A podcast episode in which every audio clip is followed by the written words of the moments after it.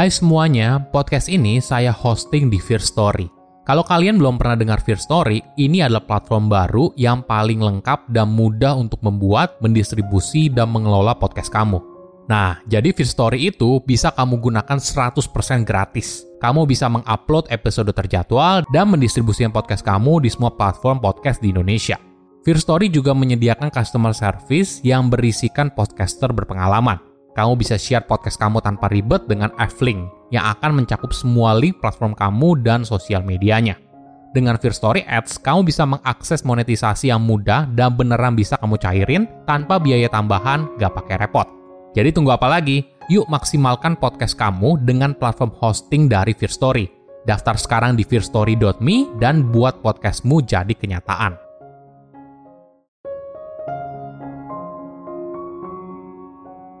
Segala sesuatu yang kamu sukai pada akhirnya akan hilang, tapi cinta akan kembali lagi dalam bentuk yang berbeda. Halo semuanya, nama saya Michael. Selamat datang di channel saya, Sikutu Buku. Kali ini saya akan bahas buku Bittersweet: How Sorrow and Longing Make Us Whole karya Susan Cain. Buku ini membahas bagaimana merangkul kebahagiaan dan kesedihan bisa membuat kita merasakan hidup yang sejati. Sebelum kita mulai, buat kalian yang mau support channel ini agar terus berkarya, caranya gampang banget. Kalian cukup klik subscribe dan nyalakan loncengnya. Dukungan kalian membantu banget supaya kita bisa rutin posting dan bersama-sama belajar di channel ini. Apakah kamu penasaran kenapa kamu suka musik yang sedih? Apakah kamu penasaran kenapa kamu menemukan kenyamanan atau inspirasi di saat hujan? Atau apakah kamu merasa perasaan yang intens ketika melihat sebuah karya seni?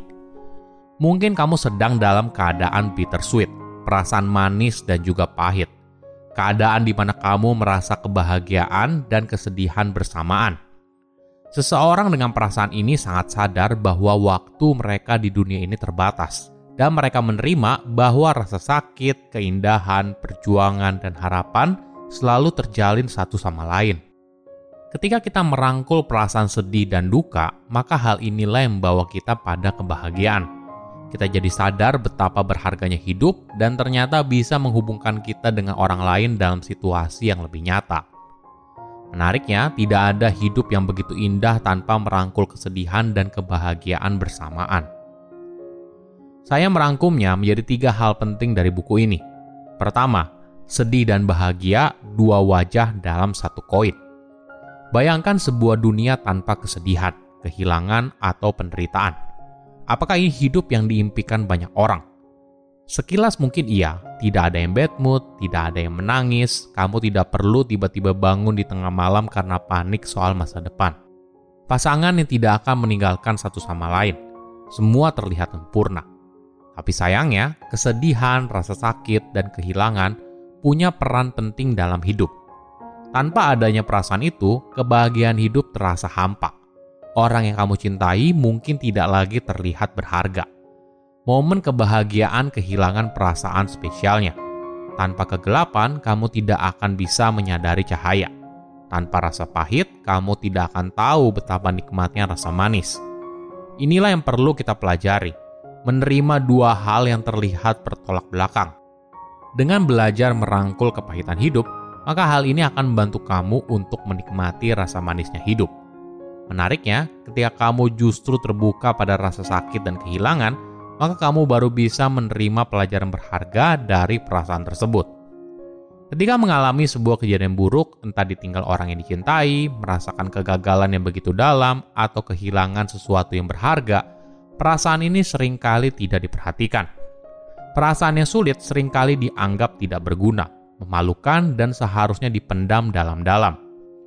Penulis punya pendapat yang berbeda. Jika kita memendam kesedihan, kerinduan, dan kedukaan, maka kita akan sulit merasakan kegembiraan, cinta, dan kasih sayang. Penulis mendefinisikan perasaan bittersweet sebagai kecenderungan untuk merasakan kerinduan, kepedihan, dan kesedihan. Kesadaran akut melewati waktu dan kegembiraan yang sangat menusuk pada keindahan dunia lintas generasi dan budaya, manusia sudah memahami dua hal yang saling berkaitan, pahit dan manis, suka dan duka. Kita bisa menemukan kenikmatan dalam perasaan yang campur aduk. Di Jepang, festival diadakan saat bunga sakura mekar. Piknik diadakan di bawah dahan pohon sakura yang berwarna merah muda dan harum setiap musim semi. Ada bunga musim semi yang lain yang sama-sama indahnya.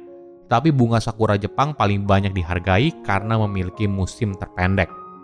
Merayakan mekarnya bunga sesaat ini menimbulkan perasaan yang mereka sebut mono no aware yang diterjemahkan secara harfiah berarti kesedihan lembut yang terhubung dengan pengetahuan bahwa segala sesuatu tidak kekal. Manusia juga tertarik pada pahit manis dalam alunan musik. Tentu saja tidak semua orang menyukai lagu sendu daripada melodi pop yang menarik. Tapi seperti yang ditemukan oleh salah satu studi dari University of Michigan, seseorang cenderung mendengarkan lagu favoritnya dengan genre riang sebanyak rata-rata 175 kali Sebaliknya, seseorang yang lagu favoritnya sendu mendengarkan lagu itu kira-kira 800 kali. Kedua, jangan lari dari perasaan negatif. Kesedihan dan rasa sakit tidak selamanya buruk. Orang sukses sering kali harus menghadapi semua ini untuk bisa mencapai hal besar. Tentu saja tidak ada orang yang ingin merasakan trauma, kekerasan, rasa sakit, atau kehilangan – namun sayangnya bagi beberapa orang hal ini tidak bisa dihindari. Mereka harus hidup dengan semua perasaan tersebut. Perasaan bittersweet mengajarkan kita kalau rasa sakit muncul bersamaan dengan rasa senang. Cinta muncul bersamaan dengan kehilangan. Dan inspirasi muncul bersamaan dengan putus asa. Jika kita berusaha menghilangkan perasaan negatif, maka kita juga menolak semua hal baik yang muncul bersamaan Ketika kita menolak rasa pahit, di waktu yang sama kita juga menolak rasa manis. Lain kali, ketika kamu merasa tidak nyaman, ingat, perasaan ini hanyalah setengah dari perasaan yang bisa kamu rasakan di momen tersebut. Ada hal lain di balik sebuah koin. Temukan keindahan, inspirasi, atau ketenangan yang menyertainya, dan kamu akan menjalani keseimbangan hidup yang pahit dan manis. Studi dari University of Toronto menemukan seseorang yang menerima emosi negatif dalam dirinya ternyata mengalami tingkat stres yang lebih rendah dan tingkat kesejahteraan yang lebih tinggi.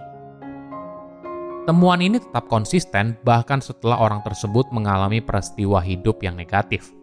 Kenapa?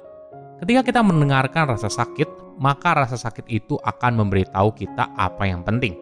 Setelah peristiwa tragedi 9/11 di Amerika Serikat, sejumlah besar orang Amerika melamar untuk menjadi petugas pemadam kebakaran, guru, dan petugas kesehatan. Ketiga, merayakan hidup dan kematian. Selama berabad-abad, kematian adalah bagian dari kehidupan kita sehari-hari. Orang-orang Victoria misalnya, menjalankan ritual ketat seputar berkabung, mengenakan pakaian serba hitam dan menarik diri dari masyarakat selama beberapa waktu. Namun sekitar tahun 1930-an keadaan mulai berubah. Kematian pindah dari rumah ke rumah sakit. Pekerjaan merawat seseorang yang sekarat dan kemudian meninggal diserahkan kepada petugas kesehatan. Saat kematian semakin jauh dari kehidupan, kita semakin tidak nyaman dengan kesedihan dan duka. Sekarang, orang yang baru berduka didesak untuk berani, tetap positif. Mereka diberitahu bahwa almarhum menginginkannya seperti itu. Mungkin kita perlu belajar untuk menjalani hidup dalam keadaan bittersweet, bahwa hidup hanya sementara dan kematian merupakan sesuatu yang tidak bisa dihindari. Ada sebuah penelitian yang menarik. Peneliti berhasil mengidentifikasi sekelompok orang yang cenderung bahagia. Orang-orang ini mudah memaafkan, mencintai tanpa pamrih, cepat merasa bersyukur, dan tidak mudah marah. Siapakah tipe orang bahagia itu? Ternyata orang tua Alasan mereka bahagia adalah mereka menyadari konsep ketidakkekalan. Semakin seorang tua, biasanya semakin sadar akan kematian dan kehilangan. Saat-saat kegembiraan menjadi lebih pedih. Dengan kata lain, seiring berjalannya hidup, perasaan bittersweet secara alami muncul. Penulis membagikan sebuah cerita dari seorang penulis bernama Franz Kafka. Kafka bertemu dengan seorang gadis kecil yang menangis di Taman Berlin. Dia kehilangan bonekanya dan tidak bisa dihibur untuk berhenti menangis. Kafka memberitahu gadis itu bahwa dirinya beruntung karena Kafka kebetulan adalah seorang tukang pos boneka. Selama berminggu-minggu berikutnya, Kafka mengirimkan surat kepada gadis itu dari bonekanya yang hilang, padahal ditulis sendiri oleh Kafka. Dalam surat tersebut, boneka itu bercerita tentang petualangannya. Akhirnya, Kafka memberikan gadis itu sebuah boneka baru dan satu catatan terakhir. Disembunyikan di rok boneka untuk ditemukan gadis itu nanti, mungkin ketika dia sudah dewasa. Catatan itu berbunyi, segala sesuatu yang kamu sukai pada akhirnya akan hilang. Tapi cinta akan kembali lagi dalam bentuk yang berbeda. Silahkan komen di kolom komentar pelajaran apa yang kalian dapat ketika baca buku ini. Selain itu, komen juga mau buku apa lagi yang saya review di video berikutnya. Saya undur diri, jangan lupa subscribe channel YouTube Sikutu Buku. Bye bye.